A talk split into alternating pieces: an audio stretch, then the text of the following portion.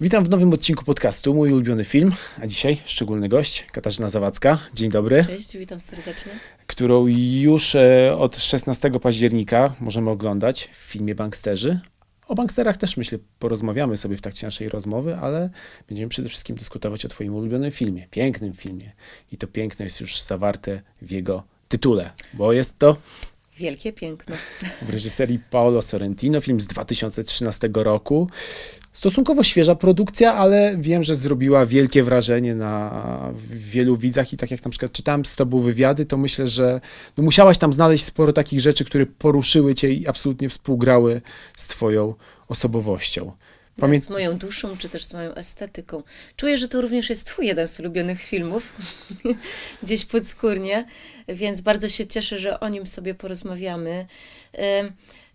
Kiedy dostałam pracę domową, w cudzysłowie oczywiście, żeby gdzieś tam ten ulubiony film e, znaleźć, to było mi dosyć ciężko, bo ja mam kilka takich filmów, które są powiedzmy moimi ulubionymi filmami i do których Mm, wracam wielokrotnie.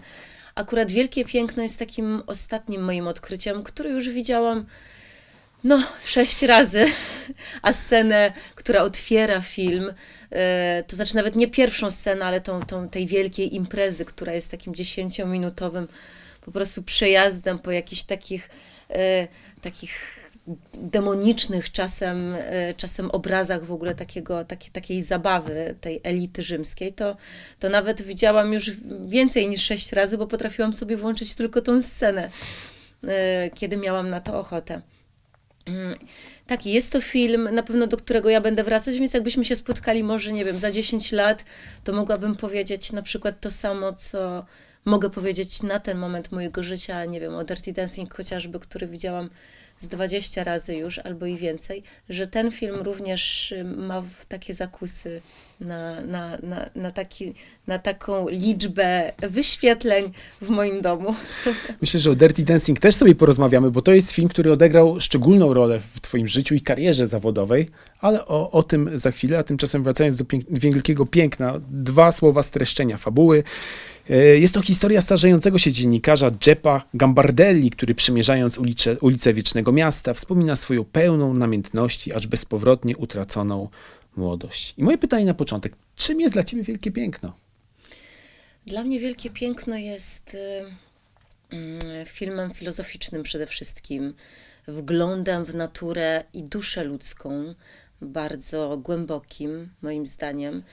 Ja w ogóle lubię w kinie tematy filozofii, zagubienia trochę człowieka w dzisiejszym świecie, wartości, które zostały gdzieś tam na przestrzeni tego życia utracone, albo troszeczkę o nich zapomnieliśmy, mm, puszczając się w jakiś pęd, albo jakąś wizję, albo jakąś przynależność do, do naszym zdaniem mm, elity, jakiegoś panteonu, który sobie gdzieś tam obraliśmy za cel w swoim życiu. Tutaj akurat w przypadku tego bohatera, no to są to elity e, Rzymu i, i ludzie bogaci, którzy powiedzmy mm, gdzieś tam tworzą właśnie ten współczesny panteon e, tamtego miejsca. No, a film jednak pokazuje, że, że trochę nie tędy droga, że to nie o to chodzi w życiu i że nie jest e, wielkim pięknem wystawne życie właśnie tej elity, czy też oczywiście samo przepiękne miasto, w którym ta akcja się dzieje, y, czy też muzea, które, które są na wyciągnięcie ręki i które mieszczą w sobie tak naprawdę wielkie piękno poprzednich epok, ale wzbogacone jednak mimo wszystko o, ten, o tego ducha, który towarzyszył każdej epoce, a którego brakuje moim zdaniem i, i też o tym mówi ten film, ludziom, którzy chcą to wielkie piękno tworzyć we współczesnym życiu. Czyli dla mnie wielkie piękno jest podróżą, już, w, już tutaj odpowiadając na pytanie, mm, taką duchową podróżą y, człowieka. Mhm. No właśnie, wspomniałaś o tym, że bohater dociera do pewnego momentu w swoim życiu, kiedy wszystko osiągnął, cele, które sobie zamierzył, zdobył i nagle stoi przed jakąś taką pustką zupełnie, zastanawiając się, co dalej, czy, czy, czy rzeczywiście podejmował dobre decyzje. A czy ty na przykład w swoim życiu, kiedy na przykład dążyłaś do jakichś zamierzonych celów i w końcu udało ci się osiągać, to była euforia? Jakie właśnie uczucia temu towarzyszyły? Kiedy już się coś osiąga, to, to przyjmowałaś to na spokojnie, czy, czy, czy jednak czułaś, że ach, wreszcie udało się? Jak podchodzić do sukcesów? Może po prostu tak doprecyzujmy pytanie. E, ja myślę, że ja mam, że w ogóle wyznaję jakąś taką filozofię w swoim życiu jakiegoś stoicyzmu względnego i to jest i stoicyzm i co za tym idzie jest mi dosyć bliskie i taką, i taką, taką równowagę i wyważenie i to dotyczy jakby sukcesów i też porażek, że uważam, że znaczy mówię o sobie, że miałam oczywiście takie momenty, że gdzieś tam zachłysnęłam się jakimś sukcesem na początku, czy, yy, czy też, no właśnie, co za tym szło, miałam większe oczekiwania na przykład względem kolejnych rzeczy, które powinny się wydarzyć w moim życiu, a na przykład się nie wydarzały, więc zostaw, zostawało we mnie jakieś takie rozczarowanie i, i niespełnienie. Więc po takich, po takich doświadczeniach, po jakichś refleksjach, miałam coś takiego w sobie, że chyba należy życie przyjmować we względnym spokojem. To, co się właśnie wydarza pozytywnie i to, co też się wydarza negatywnie, że to nam potrafi, y, że to potrafi zachować w nas rodzaj jakiegoś takiego wyważenia, zdrowego rozsądku, zdrowego podejścia do pewnych rzeczy. I ale też oczywiście cieszę się, kiedy osiągam sukces i, i oczywiście jest to jakiś aspekt, który rozwija moje powiedzmy skrzydła i daje mi jakąś energię, która mnie napędza, ale wolę to trzymać w ryzach. Wynotowałem sobie na potrzeby naszej rozmowy kilka ładnych y, cytatów z, z, wywiadu z Paolo Sorrentino, który zrobiła mm, polska dziennikarka Ania Serdiukow i na przykład jeden jest taki. Każdy z nas wcześniej czy później staje przed pytaniem, czy to już wszystko, Jeb jest wypełniony wspomnieniami, skrawkami z życia bogatego i ciekawego, a mimo wszystko czuje się niepełny, niekompletny, pusty. Coś stracił, coś przeoczył w tłumie twarzy, w ścisku ciał, ferii, barw e, i zapachów. I tak sobie pomyślałem, jesteśmy młodsi o połowę, myślę, od bohatera Wielkiego Piękna, ale masz takie podejście, że niczego nie żałujesz, czy czasem tęsknić się jednak na przykład do, nie wiem, czasów młodości, czasów, kiedy na przykład e, pracowałeś przy muzykalu międzynarodowej produkcji, czy raczej starasz się cały czas patrzeć przez siebie? E, oczywiście, że mam. Jestem dosyć refleksyjna i czasem dużo myślę, myślę tak o pewnych aspektach w ogóle życia, zamiast je może przeżywać i, i być e, tu i teraz. Jestem dosyć sentymentalna. E, lubię wracać do pewnych sytuacji z przeszłości, które, które były jakimiś takimi powiedzmy, powiedzmy wisienkami na torcie w moim życiu. Oczywiście dzieje się to często, kiedy coś mi się mm, coś mi się nie udaje, albo coś przemyka mi między palcami, na przykład w, w, w dzisiejszym życiu, ale nie mam na pewno czegoś takiego, że, że, że czegoś żałuję raczej wszystko, czego doświadczam i tego, doświad czego doświadczyłam, i tych dobrych chwil, i tych złych chwil, gdzieś mnie prowadzi. I oczywiście widzę to później z perspektywy czasu, jako taką, taki obraz, powiedzmy, tego wszystkiego, co się wydarzyło i gdzie mnie to zaprowadziło. Jak się to dzieje, no to oczywiście w tych wyrywkach tego do końca nie widać, ale, ale finalnie myślę, że jestem w dobrym miejscu swojego życia i, i spełniłam wiele ze swoich marzeń i oczywiście jestem ciekawa, mm, co dalej, gdzie to mnie doprowadzi. Ja też e, gdzieś się trzymam jakichś takich wartości, które w sobie mm, pielęgnuję i które może przez wychowanie, może przez to, że, że jako dziecko nasiąkałam pewnymi takimi wartościami, czy też idea, ideałami, ideami w sobie pielęgnuję, to też tą drogę, którą mam obraną, czyli takiego rozwoju duchowego, które jest bardzo ważne dla mnie w życiu, e, pielęgnuję, więc myślę, że gdzieś tam pewne rzeczy potrafię pogodzić i, i finalnie nie, nie żałuję niczego. Wielkie Piękno jest w dużej mierze listem miłosnym e, reżysera do, mm, do miasta. Feliniego. Do miasta. Do, do Feliniego tak, też, tak, tak. oczywiście.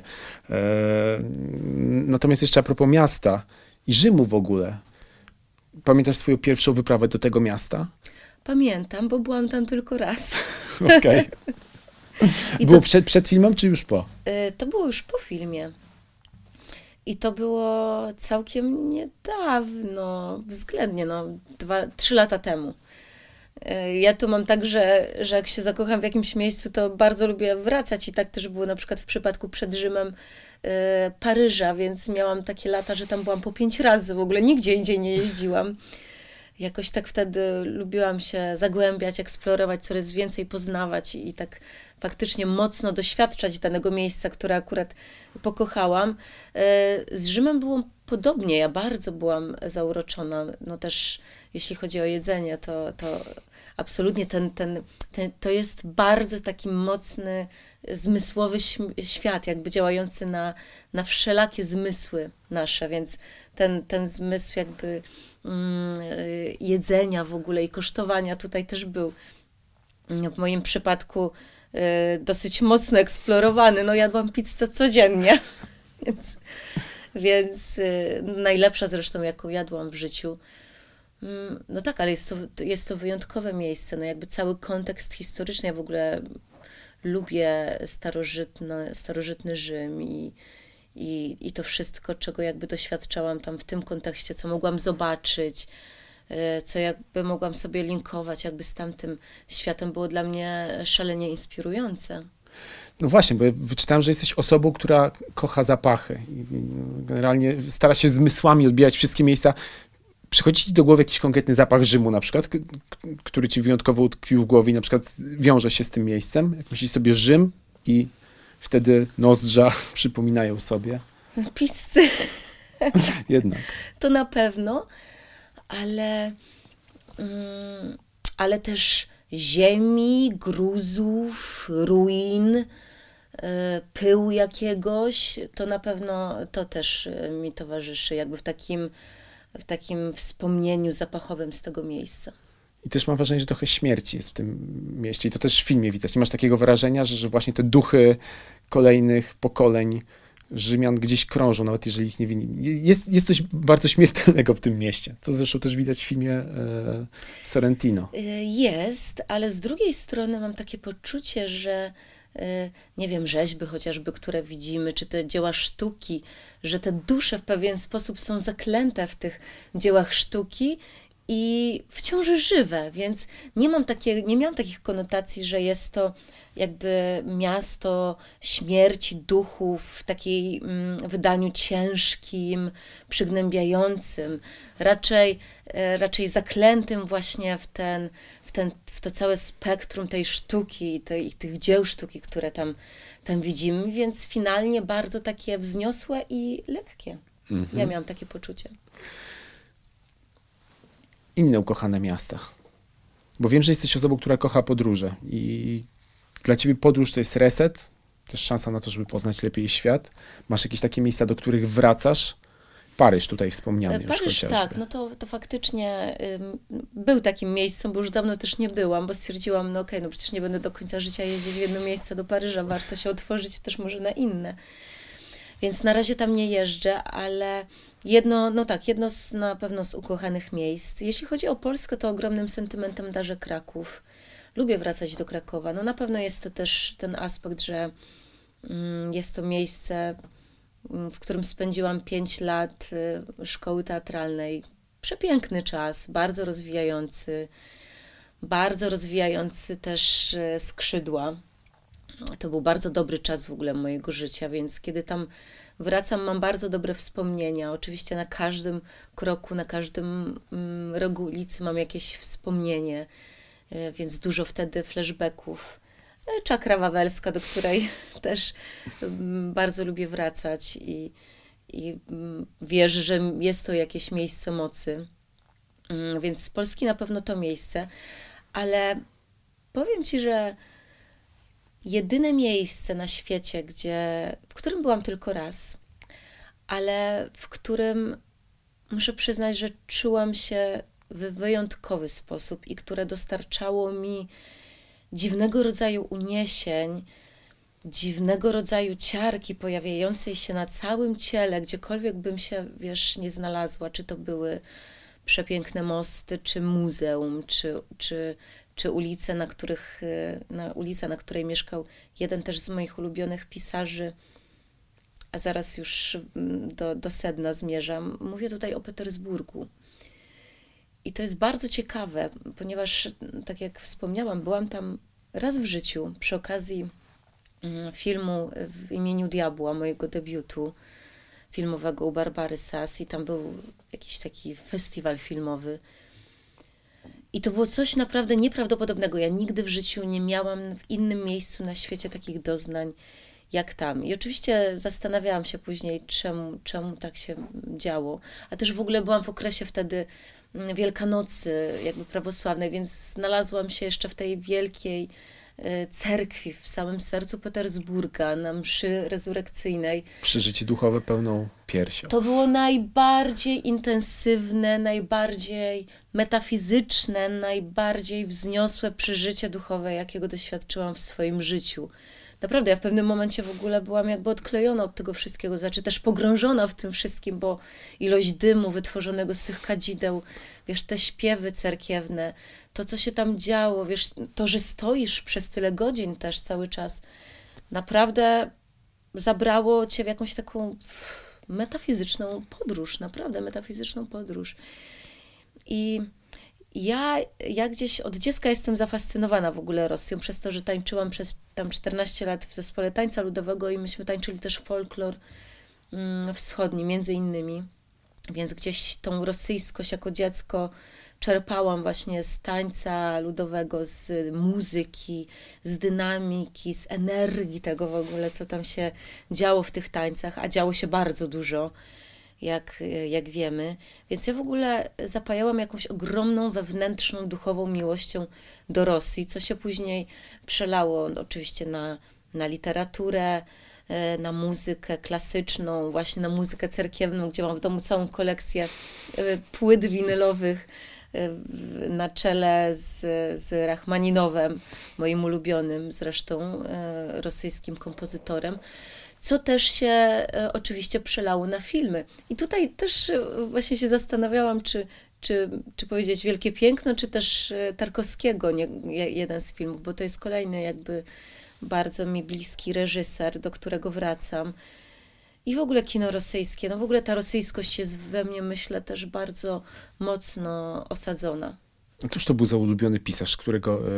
A, Dostojewski. Dostojewski. Czyli rosyjska dusza. W... Nie na każdą porę roku, nie polecam zimą Ale z kolei tak, to jesień... zaczytywać się. Można wpaść w jakiś ciemny zaułek. Można wpaść w ciemny zaułek, więc przepiękne powieści, czytadła, dramaty, ale, ale polecam wiosną. Ze swojego doświadczenia. A tymczasem wróćmy do Krakowa, o którym tak. wspomniałaś, o którym też sobie wynotowałem kilka pytań. Byłaś na roku razem z Dawidem Ogrodnikiem, e, razem z Matuszem Kościukiewiczem, Piotrem Stramowskim też był? E, tak, Kubą Gierszałem. Świetny rocznik. I Piotr Semowski wspominał mi o tym, jak rozmawialiśmy, że, że wy byliście takim rocznikiem, któremu naprawdę zależało, który dużo pracował. Jak ich pytałem, no bo wiadomo, artyści to lubią sobie poimprezować. Nie, nie, nie, nie. My naprawdę staraliśmy się osiągać absolut aktorski. Rzeczywiście tak było, że też Dawid Ogrodnik podobno był jakimś takim waszym nieformalnym liderem, który was ciągnął zawsze w górę i mówił, możemy zrobić to lepiej, więcej, starajmy się, starajmy. E, to było tak. My zawsze jesteśmy podzieleni. Jest około 20 osób na roku, po, czy tam ponad 20 i 20 jesteśmy podzieleni na dwie grupy. Powiedzmy A i B. No i każda grupa ma swojego mistrza. Naszym mistrzem był Jan Peszek, e, ich mistrzem był Roman Gancarczyk. No i teraz Piotrek Wstramowski, czy też Dawid Ogrodnik to jedna grupa. Ja i Kuba Gierszał to druga grupa. No i faktycznie grupa Dawida Ogrodnika i Piotr, Piotra Stramowskiego, to była taka grupa bardzo, bardzo zaangażowana. Oni wszystko traktowali bardzo serio. Tam były bardzo zdolne osoby. W mojej grupie oczywiście też, ale, ale chodzi o taki rodzaj podejścia. Faktycznie ten Roman Gancarczyk, który miał w sobie rodzaj takiej też misyjności w ogóle tego zawodu, pewnie im wszczepiał takie idee i oni byli bardzo serio i, i naprawdę tutaj można było zauważyć ogromny rodzaj zaangażowania. Nasza grupa miała trochę lżejsze podejście do tego wszystkiego, co mm, też serio, ale my byliśmy przez e, Peszkę jakoś tak ustawiani, że to jest zawód. I my mamy go dobrze wykonywać, jakby technicznie. On mówił też o o, o, o jakby, dużo nam też jakby y, mówił o takim, y, o, o aspekcie ciała w ogóle, że to ciało było najważniejsze, u nich bardziej duch, y, że z ciała się dużo rzeczy bierze, tak, że najpierw jest ciało, potem jest słowo, u nich trochę było na odwrót, więc to były troszkę dwie szkoły, jeden rok, dwie szkoły, dwa różne podejścia, więc jeśli mogę powiedzieć, to ja byłam w tej grupie, no, która miała takie luźniejsze podejście do, do tego wszystkiego i taka jest, znaczy, nie wiem, śmieszna, może dla niektórych tragiczna anegdota z naszego roku, na przykład z tej naszej dziesiątki, że na zajęciach mieliśmy mm, na czwartym roku już zajęcia u Krystiana Lupy, który jakby, jak wszyscy wiedzą, pracuje y, na improwizacjach, zadaje improwizacje, trzeba się do tych improwizacji przygotować. Czasem są to indywidualne improwizacje, czasem dwójkowe. No i takie też improwizacje Krystian Lupa zadał naszej tej dziesiątce, połówce, bo to mieliśmy te zajęcia po 10 osób, czyli w tych grupach już. No i drugie, trzecie zajęcia Krystian Lupa się pyta, no to kto się zgłasza do, mm, do improwizowania, no to kto chce. No to w tamtej grupie był las rąk, dla porównania. No w naszej nikt się nie zgłaszał. I on mówił, że on ma pierwszy raz w ogóle taką sytuację, żeby się nikt nie zgłosił. Oczywiście może to trochę wynikało z jakiegoś strachu, nie wiem, czy też Krystian Lupa potrafi przestraszyć. Widziałem ostatnio taki dokument o nim, który był na Docs Against Gravity, Skoczmy razem do studni, który opowiadał o kulisach powstania e, procesu według Kawki. To jest człowiek, dla którego scena jest wszystkim. Myślę, że po prostu nawet no, no byłby w stanie poświęcić z siebie, zejść e, do, do samego piekła właśnie dla przedstawienia teatralnego. Jestem w stanie w to uwierzyć. Też się przymierzałam do tego dokumentu, bo też lubię ten festiwal i uczestniczyłam, no ale jednak no, nie dałam rady zobaczyć wszystkiego, więc mam nadzieję, że jeszcze gdzieś tam będę mogła się temu przyjrzeć. Więc, y, no więc tutaj mogły być różne powody, że powiedzmy tych rąk w górze nie było, ale, no, ale taka była nasza grupa, więc takie troszeczkę dwa bieguny jednego roku. A jak to było z tymi imprezami? Okej, okay, tamci, wiadomo, duchowość, e, aktorstwo, aktorstwo, ale rozumiem, że czasem zdarzało się wam również e, prowadzić studenckie życie pełne przygód. A nie, no to, to, to oczywiście, e, że się wydarzały takie różne sytuacje imprezowe. No jest to chyba wpisane w, w okres studiowania po prostu, że gdziekolwiek byśmy nie byli w tym okresie swojego życia, na, jak, na jakimkolwiek kierunku, to te imprezy są po prostu elementem studiowania, więc też się tak zdarzało na, na, na, u nas w szkole teatralnej. Oczywiście często te imprezy były mm, w oparach jakiegoś takiego artyzmu, czy też roz, rozmów na temat tworzenia, czy też pracy na przykład z reżyserami, którą też tam mieliśmy wpisaną. Mieliśmy swoje zajęcia, plus jeszcze reżyserów, którzy też studiowali, więc zapraszali nas do, do swoich etiud i na nas, i nas traktowali jako królików doświadczalnych. Y, więc często te imprezy na przykład były, nie wiem, po takim wieczorze właśnie dodatkowym z pracy z reżyserem, zostawaliśmy dłużej, czasem robiliśmy coś po nocach, to się przemieniało w, w powiedzmy w imprezę. Różne były sytuacje, ale myślę, że to nie odbiegało absolutnie od takiego y, świata imprezy, imprezowego innych kierunków, a czasem myślę, że nawet mogło być mniej intensywnie. No myśmy też mieli od rana zajęcia, często jakieś zajęcia wymagające od nas pracy z ciałem, tak, tańca, ruchu, jogi, bo mieliśmy takie zajęcia też na, na, na, na, na studiach. Więc nie, wszystko w, w normie. A mieszkałaś w akademiku, czy wynajmowałaś mieszkanie w Krakowie? Ja mnie wynajmowałam na początku przez pierwszy rok mieszkanie. Potem mieszkałam w akademiku, potem znowu wynajmowałam, a potem finalnie w akademiku. Także takie no, migracje. Działy się dzikie rzeczy w akademiku? Yy, dzikie to nie przypominam sobie. Raczej, raczej ten akademik nie miał takiego miejsca, gdzie mogliśmy się spotkać. Te pokoje też nie były duże, więc jak już się coś działo, no to ruszaliśmy w miasto. Właśnie a propos jeszcze imprez, bo jesteś osobą, która podróżuje i mam wrażenie, że przez jakiś czas swojego życia wiodłaś taki trochę żywot nomada, że, że pracowałaś w różnych miejscach, zdobywałaś nowe doświadczenia. Imprezy prawdopodobnie są doskonałym e, sposobem na to, żeby poznać lepiej e, okolicznych tubylców i się e, zasymilować. E, to na pewno, ale, ale chyba też nie jest to cel sam w sobie, że to są jakieś takie wypadkowe sytuacje.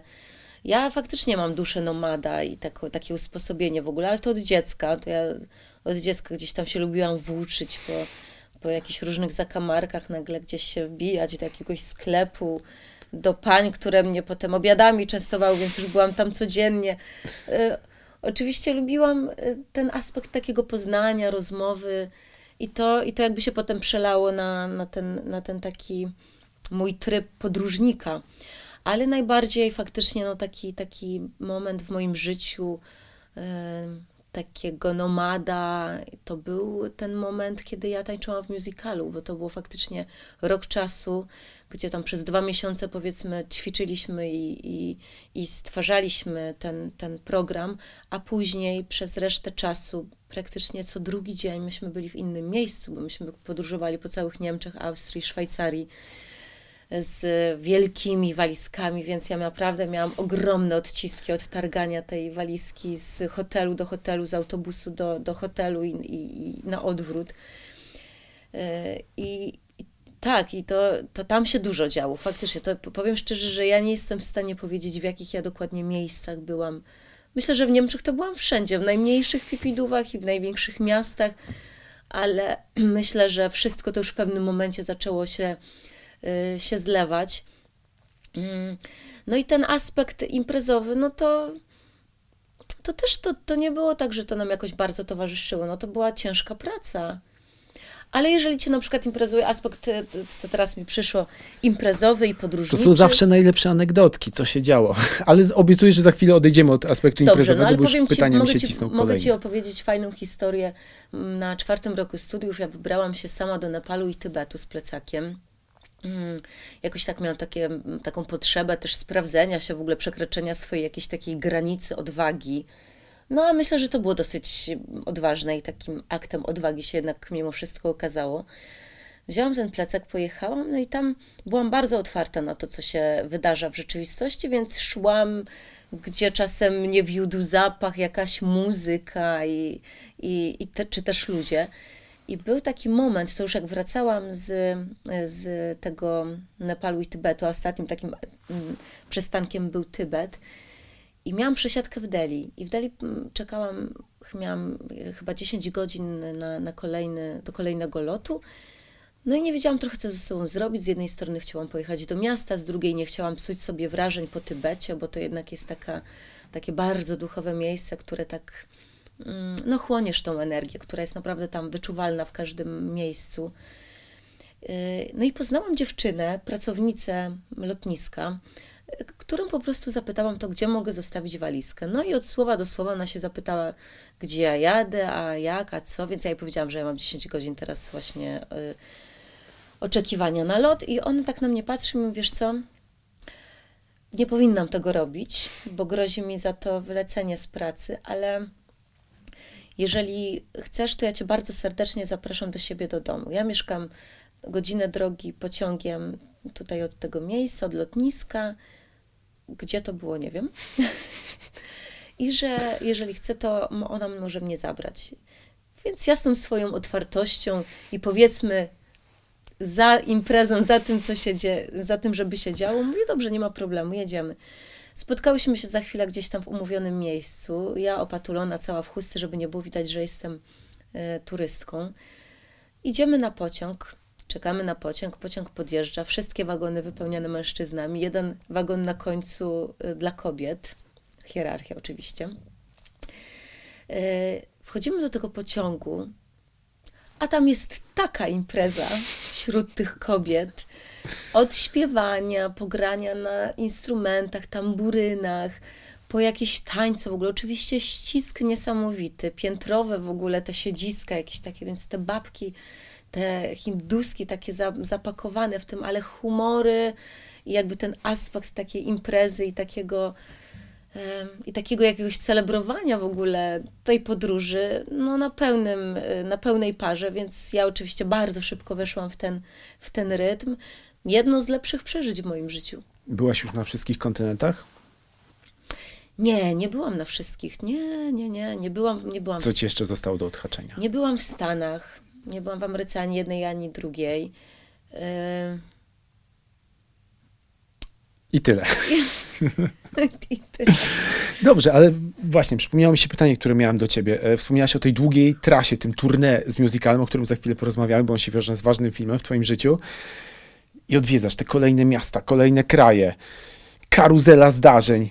I nagle turnę się kończy i trzeba wrócić do domu. I jakie to jest uczucie, kiedy żyło się w tym niesamowitym pędzie, kiedy ciągle coś się działo i nagle jesteś w czterech ścianach i, i przerwa. To nawet nie było tak, bo jak ja wróciłam z tego musicalu, ja w ogóle miałam taki plan po tym musicalu i marzenie, żeby, i byłam w sumie na to przygotowana, żeby kontynuować w ogóle tą drogę taneczną, bo, no bo też dostałam jakichś niesamowitych skrzydeł, będąc tam, ponieważ ja się dostałam do grupy, gdzie no, głównie ludzie byli po szkołach baletowych albo po tańcach towarzyskich. Ja byłam jako jedyna po tańcach ludowych. To nie jest takie oczywiste, żeby znaleźć się wśród takich tancerzy. Ja miałam na początku ogromne braki, chociażby jeśli chodzi o poziom rozciągnięcia, czy też w ogóle, nie wiem, nazewnictwa pewnych rzeczy profesjonalnie. Mówię tutaj o takim nazewnictwie stricte baletowym. Yy, I było mi na początku tam bardzo ciężko, ale wyjeżdżając stamtąd, to był, no, to był taki czas, ja zrobiłam tam, naprawdę bardzo się rozwinęłam i ten regres był ogromny. Ja uwierzyłam w to, że ja mogę mm, tańczyć zawodowo, że ja mogę jeszcze się podszkolić troszeczkę. Miałam takie marzenie w ogóle, mm, żeby właśnie gdzieś ten Broadway jazz y, rozwijać w sobie. Chciałam pojechać do Nowego Jorku, do, do jakiejś szkoły na, Broadway, na Broadwayu, żeby to właśnie w sobie rozwijać. No ale byłam już jakby wcześniej po paru tam próbach zdawania do szkoły teatralnej, trzech, gdzie się nie dostawałam. I przyjechałam z tego musicalu jakaś też oczywiście pewniejsza siebie, z, jakimś, z jakąś opcją w ogóle na życie. Mówię tutaj o tym wyjeździe. Ale tak coś mi przyszło do głowy, a może jeszcze raz będę zdawała do, mm, do szkoły teatralnej. Ostatni raz, żeby zobaczyć, co się wydarzy. Tu już mam opcję, powiedzmy, że plan A, plan B, zależy jak na to, z której strony spojrzeć, ale spróbuję ostatni raz y, y, pójść na te egzaminy. No i wybrałam sobie wtedy Kraków i tylko Kraków, nigdzie indziej nie, nie składałam papierów. I jakimś cudem się dostałam. Oczywiście bardzo mnie to ucieszyło i stwierdziłam, że okej, okay, no skoro się dostałam, może to jest znak, że jednak mm, to jest moja droga, żeby jednak zostać i żeby kontynuować e, to marzenie, które oczywiście było we mnie równie silne. No i tak zostałam i tak jakoś wyszło. I wyszło bardzo dobrze. I Kraków usiedlił cię. I Kraków mnie usiedlił, a to lat. się też zadziało jakoś bardzo szybko po tym powrocie, bo ja w ogóle wróciłam, za chwilę były egzaminy, więc cały czas byłam w jakiejś takiej e, dynamice tego ruchu, tego, tego dziania się. Więc może to też mi jakoś e, pomogło, no bo byłam w swoim żywiole. Ja lubię, jak się dzieje. Więc nawet jak się na przykład nie dzieje za dużo zawodowo, to ja muszę sobie znaleźć jakiś znaleźć zastępczy jakiś zastępczy temat. temat, ruchy, że te wtedy często na przykład lubię wyjechać, nawet, nawet jak to nie jest zagranica, to gdzieś w Polsce, żeby cały czas coś sobie prowokować. No to w takim razie, jak osoba, która jest ciągle w ruchu, potrzebuje dziania się, za, zareagowała nagle na lockdown, który wydarzył się w marcu i nagle wszystko stanęło, e, nigdzie nie można było wyjechać i, i trzeba sobie jakoś zorganizować czas. Jak wtedy sobie stworzyłaś swój świat od nowa? Ja jestem z koło brzegu, więc mogę tam w każdej chwili pojechać. Tak też zrobiłam, jak wprowadzono lockdown. I y, więc już jakby podróż zorganizowana, plus jakby całe spektrum no, możliwości, które mo można tam, w sensie można czerpać, czerpać będąc tam. Ja byłam codziennie na zachodach słońca, bardzo się wkręciłam w jogę, więc jakby takie aspekty fizyczne, więc też byłam w domu, w którym jakby było co do roboty i, i cały czas się coś działo, więc ja sobie szybko znalazłam y, różne możliwości działania i no i przede wszystkim znowu ten ruch. Wolisz, mo wolisz może y, w okresie jesienno-zimowym, czy raczej letnim? Myślę, że w jesienno-zimowym. Po pierwsze, mniej turystów, znaczy wtedy, te, wtedy w ogóle nie było turystów, umówmy się, więc ten, ten moment wiosny, w ogóle budzenia się, natury do życia, bo to był ten czas, który mogłam obserwować z dnia na dzień, będąc w takich okolicznościach przyrody. Wiesz, ja byłam w okresie, kiedy, mm, kiedy, no pamiętamy, najpierw y, zamknięte były plaże, lasy, parki, więc pierwszy dzień, kiedy był komunikat, że otwierają znowu to wszystko dla nas, to ja byłam nad morzem, więc ja postawiłam swoją stopę po, wiesz, po tylu tygodniach, gdzie, gdzie tych stóp jakby ten piasek nie widział. I to było niesamowite przeżycie. Ja myślę, że nigdy się tak nie cieszyłam w ogóle z bycia na plaży i to jak ta plaża była dzika, właśnie bez ludzi. I to trwało oczywiście długo, no bo wiadomo, turystów nie było, było ba bardzo interesujące. Ale w normalnym okresie faktycznie ten, ten moment jesienno-zimowy wydaje mi się ciekawszy. No też Bałtyk wtedy nabiera takiej, mm, moim zdaniem, jakiejś tajemniczości mm, głębszej, y, melancholii, y, jakiejś takiej tęsknoty w ogóle, która się wytwarza, mm, dzikości jeszcze większej. No, to są tematy bliższe mojemu sercu, więc mimo wszystko jakoś lepiej się tam wtedy odnajduję. Poza tym lubię morsowanie, więc zimą sobie mogę mogę pokąpać się w morzu. Co chwilę odkrywam jakąś kolejną e, twoją pasję i tak słucham ciebie i, i widzę przed sobą niesamowicie wrażliwą osobę i myślę, że ta wrażliwość jest oczywiście jakimś dobrodziejstwem, ale myślę, że też może być przekleństwem. Właśnie to odczuwanie świata, niesamowita empatia czasem, czasem rodzi też problemy. Czy, czy, czy ty to czujesz i jak sobie na przykład radzisz z tą swoją nadwrażliwością, powiedziałbym? Przesadzam czy nie?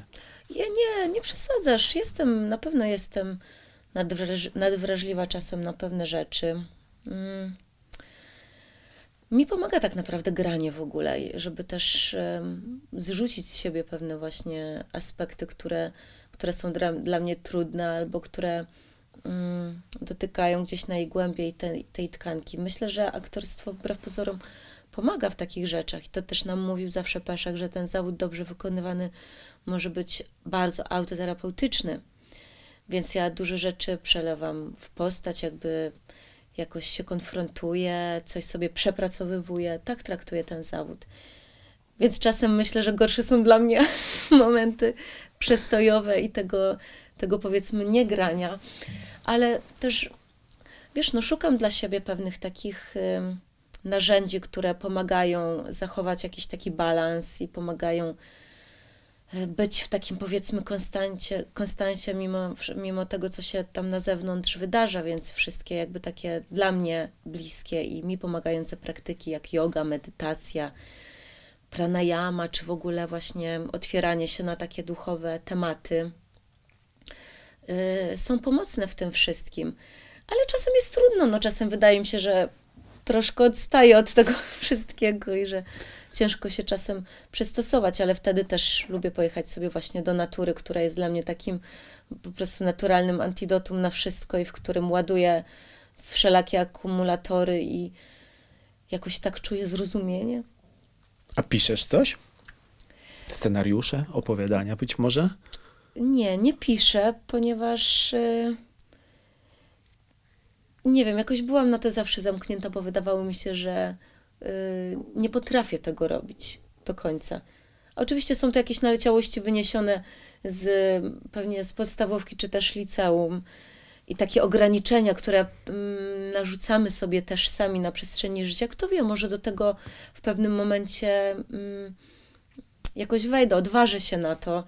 Myślę, że i tak i tak już się odważam po tej pandemii chociażby na, na rzeczy, na które bym się wcześniej może nie odważyła, które były jakimiś moimi marzeniami, chociażby na, mm, na śpiewanie.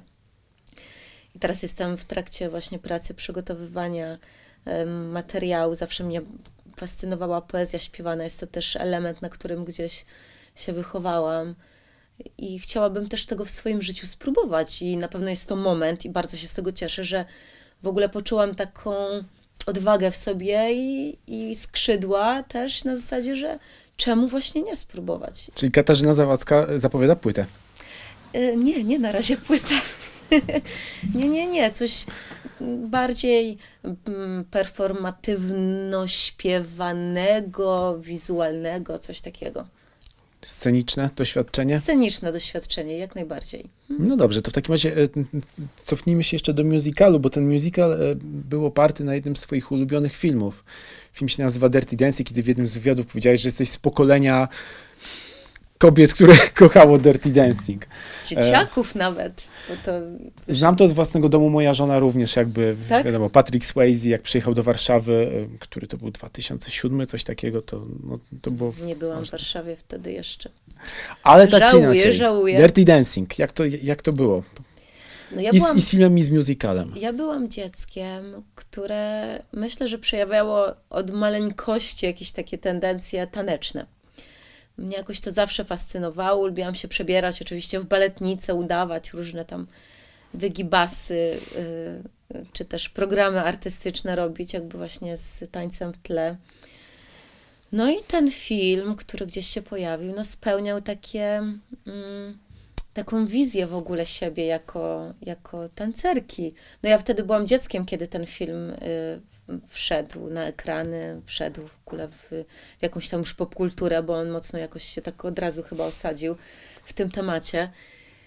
Więc, no wiesz, ja oglądając ten film po prostu oczami wyobraźni widziałam siebie jako tą bohaterkę. No, fascynowało mnie jakby cała historia, to, że w pewnym sensie było to niemożliwe w, w, w, tej bohaterce okazało się możliwym. Mówię tutaj o, o tym aspekcie tanecznym, że jakaś taka nieoczywista w ogóle historia e, spełniająca się właśnie finalnie w tym, w tym występie, w tej, fi, w tej finałowej scenie. Nobody puts baby in the corner. No totalnie, wiesz, no to było po prostu...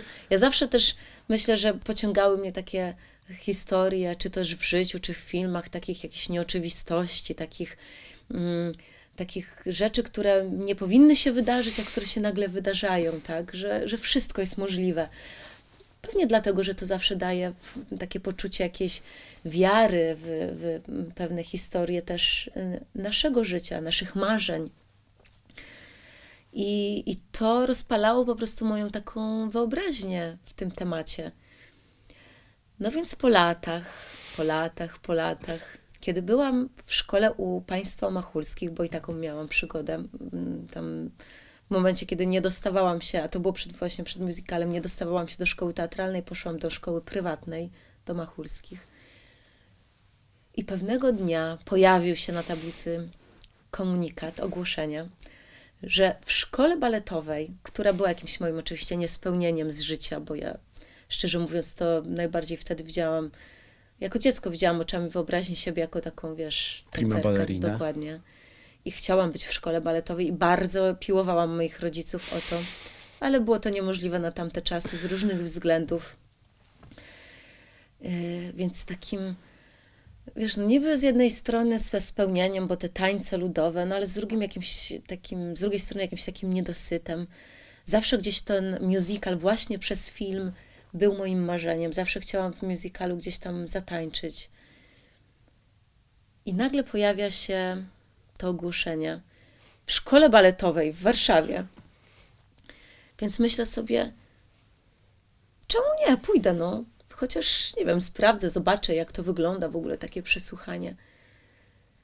I pamiętam to przesłuchanie, że jakoś byłam wtedy taka pełna energii, ferworu, no byłam też ogr ogromnie na pewno podniecona, że jestem na takim castingu do musicalu Dirty Dancing. Casting prowadził w ogóle choreograf ze Stanów, który robił, robił choreografię na mm, Broadwayu. I on co chwilę zwracał mi uwagę, że ja z kimś rozmawiam. I to już się stawało takie niebezpieczne, bo on już był w pewnym momencie bardzo zdenerwowany i pamiętam, powiedział mi, no nie wiem, za czwartym razem, że jeśli jeszcze raz się odezwę, to mnie wyrzuci z tej sali i stracę swoją szansę. No więc oczywiście wtedy już się nie odzywałam.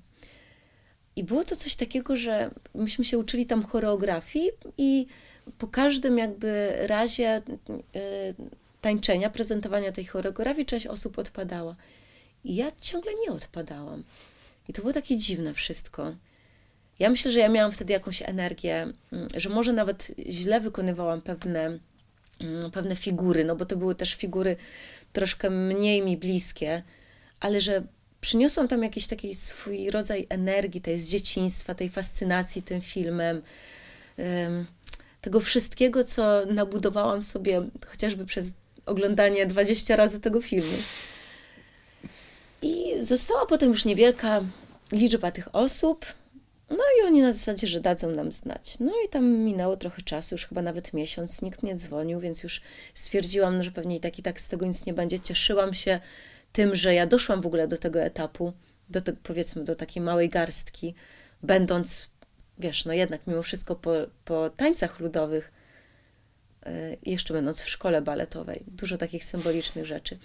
W każdym razie po dwóch miesiącach ten telefon zadzwonił, że ja się tam dostałam że mi proponują, że jest, że jest pięć tancerek, pięciu tancerzy, wszyscy są z Polski. No i że od wtedy do, do wtedy jakby jest ten, ten, ten, ten cały tour. No więc ja oczywiście tych Machulskich przerwałam od razu i pojechałam w jedną z najpiękniejszych przygód mojego życia. Piękna przygoda. Bardzo... Kogo grałaś? Wiesz co, nie, nie, nie, ja tam nie grałam, bo tam, okay. y, tam było tak, że że niemieccy śpiewako, okay. aktorzy grali te główne role, myśmy byli powiedzmy tym zespołem z tego Tworzyliście klubu. show po prostu. Tworzyliśmy show, byliśmy tancerzami, wiesz, w tym, w tym, w tym właśnie y, klubie, do którego się chodziło mm, późnym wieczorem. Twoja ulubiona piosenka z soundtracku Dirty Dancing? Time of My Life? She's nie, like the Hungry wind? Eyes. Hungry Eyes. Tak, to jest mój ulubiony kawałek. No właśnie, bo i Wielkie Piękno i Dirty Dancing to są dwa takie filmy, w których ścieżka dźwiękowa odgrywa niebagatelną rolę i te piosenki, ta muzyka niesamowicie jest zespolona z obrazem. A ja się zastanawiam, jaki jest w ogóle soundtrack twojego życia? Piosenki, które na przykład gdzieś zostały z tobą, które mm, odegrały i ciągle odgrywają ważną rolę. Mogłabyś sobie coś takiego skompilować, swoją playlistę na Spotify'u? Ulubione zespoły, płyty?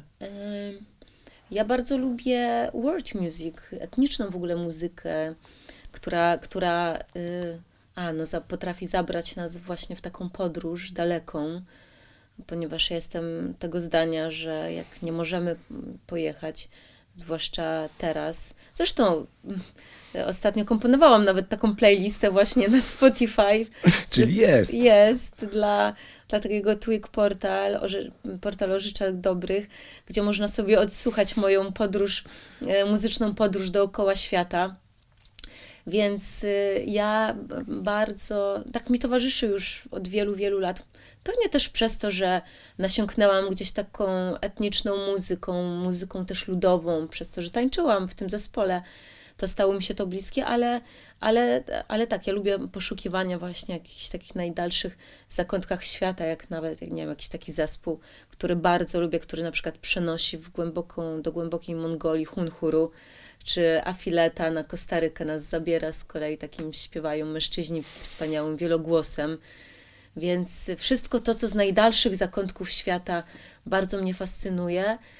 Y, plus y, ja lubię taką mm, wzniosło smutną muzykę. Na przykład, z, nie wiem, jako przykład mogę podać Preisnera, tak? Czy to Rekwiem dla mojego przyjaciela, czy też z Podwójnego życia Weroniki, kolejny film, który bardzo lu y, lubię, że też się trzymam takich rzeczy, czy Johan Johansson zmarły nie tak dawno, y, też muzyka filmowa, tak. Y, też lubię sięgać do muzyki filmowej, szczerze mówiąc. No ale gdzieś tak najbardziej i najsilniej ta muzyka świata jest we mnie osadzona. Mhm. Chciałem Ci zapytać jako specjalistki od tańca, bo jest tak, że generalnie kiedy oglądamy taniec, to oczywiście to jest zwiewne, pełne precyzji, lekkości, ale rzadko sobie zdajemy sprawę, ile potu, łez i krwi wkłada się w to, żeby to tak pięknie i zwiewnie wyglądało. I czy twoim zdaniem, jakie dobre filmy o tańcu powstały, które rzeczywiście oddają naturę e, no, tego niesamowicie trudnego, wymagającego gigantycznej ilości pracy zawodu? Um. Ja myślę, że bardzo dobrym filmem też, do którego wracam, jest Czarny Łabędź. Bardzo lubię ten film i myślę, że on, że on też inny oczywiście aspekt pokazuje w ogóle e, jakiegoś takiego artyzmu i niebezpieczeństwa, zbyt, e, które idzie za zbyt głębokim wejściem w, w rolę, chociażby tutaj. Ale myślę, że ten taniec jest tam i w ogóle ten świat baletu dosyć fajnie pokazany. Ale jeden z moich ulubionych filmów o tańcu to jest, y, to jest dokument akurat. E, chociaż ja czasem jestem bardziej dokumentowa niż fabularna, bardzo lubię dokumenty. To jest Opinie Bausz.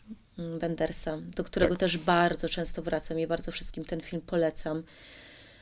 E, No, on pokazuje jeszcze jakiś inny wymi- wymiar tego tańca, jakiś taki indywidualny, duchowy właśnie, bo tam każdy tancerz jest traktowany indywidualnie. I powiem szczerze, że jakbym miała sobie wymarzyć, gdybym na przykład mogła się cofnąć trochę wstecz i wymarzyć sobie na przykład karierę y, taką taneczną, y, to i czy też drogę, to myślę, że taka Pina Bausch to byłaby spełnieniem marzenia i bycie w takiej grupie. Chciałbym jeszcze jedną rzecz zapytać, ponieważ nie wszyscy o tym wiedzą, ale wspomniałeś o tym w jednym z wywiadów, że ty w domu produkujesz też kosmetyki. A, dziękuję bardzo, że o to pytasz. Można gdzieś nabyć, czy wyłącznie na użytek własny i, i Na znajomych? razie na użytek własny i znajomych. Ym, lubię y, w prezencie dawać te moje różne specyfiki. Głównie peelingi czy też oleje do smarowania, ale ja bardzo lubię aromaterapię, więc też moim takim marzeniem może w przyszłości byłoby stworzenie takiej marki opartej właśnie na aromaterapii i takich właściwościach leczniczych, yy, i takich, no, no tak, zresztą cofam się trochę do początku rozmowy, że jest to taki naj, mm, dla mnie najbardziej y, intensywny zmysł, którym najbardziej odbieram tą rzeczywistość i z, dzięki któremu mam najciekawsze wspomnienia mojego życia i takie najbardziej intensywne. Więc myślę, że to był fajny kierunek kiedyś tam. Y, No tak, są to mm, takie rzeczy gdzieś tam właśnie głównie oparte o, o zapachach, dosyć, o dosyć takich prostych formułach, jeśli chodzi o, y, nie wiem, skład peelingu czy też tego oleju, ale jakby stawiam zawsze na ten zapach, więc czasem są to na przykład y, zapachy mm, podnoszące na duchu, czy też y, poprawiające poczucie wartości, wzmacniające poczucie wartości, pobudzające, więc w takich, takich tematach, się, w tematach się gdzieś obracam w tym. Dobrze, to w takim razie jaka za, mieszanka zapachów zadziałałaby, żeby właśnie podbudować poczucie swojej wartości? Yy, Na pewno paczula gdzieś. Paczula, na pewno takie domieszka na przykład cytryny, bo jest to taki energetyzujący olejek, który od razu nam dodaje troszeczkę takiej jasności umysłu, pobudzenia w ogóle jako, jako takiego, ale myślę, że gdzieś ta paczula byłaby takim głównym składnikiem. Jako admiratorce zapachów i osoba, osobie, która odczuwa świat właśnie z zmysłem węchu, chciałem zapytać, jak w takim razie podobało Ci się Pachnidło Toma Tykfera, który jest filmem o zapachach stricte i tamte zapachy trzeba było oddać poprzez obrazy. Udało się Twoim zdaniem? Yy, Myślę, że bardzo się udało, chociaż było to, wiesz, te, tą drogą nie chciałabym pójść. Jeśli chodzi o komponowanie yy, zapachów, ale w filmie jak najbardziej się to udało. Mhm. A w takim razie przejdźmy do filmu, z okazji premiery którego spotykamy się, czyli film e, Banksterzy. Tytuł, myślę, tutaj mówi wszystko. Czy ty po premierze obawiasz się, że za chwilę przyjdzie jakieś pismo z z swojego banku? Pani Katarzyno, no, to pani nam urządziła. Jak nas, w jakim świetle nas pani pokazuje? Proszę spłacać wszystkie kredyty, jeżeli E, masz takowe w ogóle.